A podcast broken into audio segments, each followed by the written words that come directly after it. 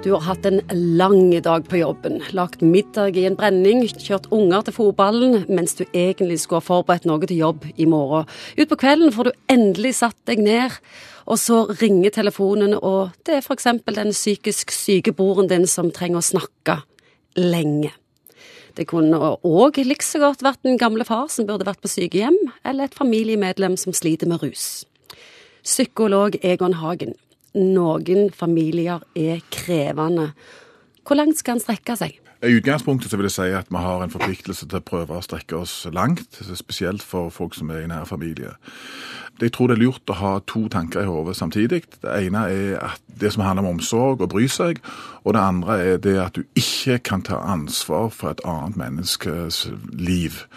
Og når folk kommer til meg og har denne problemstillingen, så er det som regel fordi at de har holdt på så lenge med å strekke seg at strikken er i ferd med å ryke. Og det er nesten sånn at alle står nærmest med varm spillolje opp til armhulen og blir egentlig ødelagt egentlig av denne situasjonen, men ingen tør å sette grensene.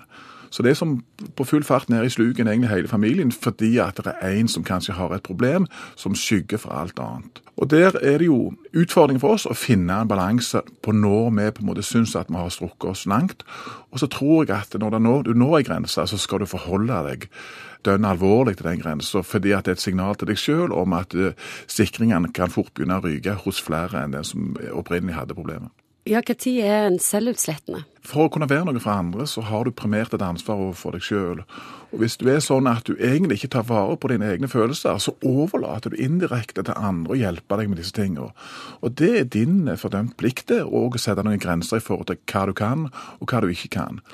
Kommer folk til deg for å få hjelp til å sette grenser, sånn at du tar beslutningen for dem? At det er grenser de ikke har lyst til å sette sjøl, for det gjør vondt? Ja, Det er et kjempegodt poeng. og Ofte så tror jeg at eh, når folk kommer til behandling, så er det sånn at de på mange måter har en intuitiv forståelse for hva svaret egentlig er. Og så trenger du noen som kan forsterke den beslutningen som egentlig ligger og, og dunker i brystet på deg, og som du egentlig vet at nå må jeg gripe fatt i dette. Er det vanlig, eller kanskje viktigst, er det OK å ikke like sin egen familie? Det er ikke OK i den forstand at du skulle sikkert ønske at du egentlig likte familien din, men hvis det nå er sånn at du har fått en familie som på mange måter er veldig forskjellig fra deg Det er noen som tenker at jeg må ha blitt lagt på trappa, jeg har liksom ingenting til felles verken med brødrene mine eller søsknene mine eller foreldrene. Og klart at Noen ganger er det sånn, så er det sånn. Regner det, så regner det. Og Har du fått en sånn familie, så har du fått en sånn familie, og da må du på en måte forholde deg til det. Så det er OK? Ja, det vil jeg si. Men det du har beskrevet i stor grad nå, det er jo den norske kulturen i forhold til det å sette grenser og ikke bruke for mye tid. I utlandet så er det jo absolutt sånn at en skal gi alt, ofre alt for familien, og vi blir sett på som ego, som sender foreldre på sykehjem og forventer at en institusjon skal ta seg av ungen hvis han sliter med noe.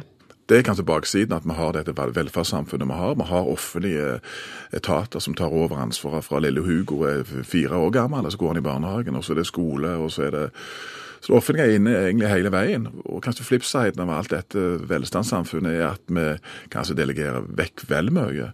Men jeg, jeg har jo ingen tro på at vi greier å snu den utviklingen. Jeg tror at det både offentlige aldershjem og sykehjem og er kommet for å bli, for å si det sånn. Hvordan skal vi konkludere? Hvordan oppsummerer vi dette når vi har krevende familier? Hvis du er usikker på om du har en sånn en familie som, som, på en måte har en negativ innvirkning på deg sjøl, så vil jeg stilt deg sjøl noen sånne grunnleggende spørsmål.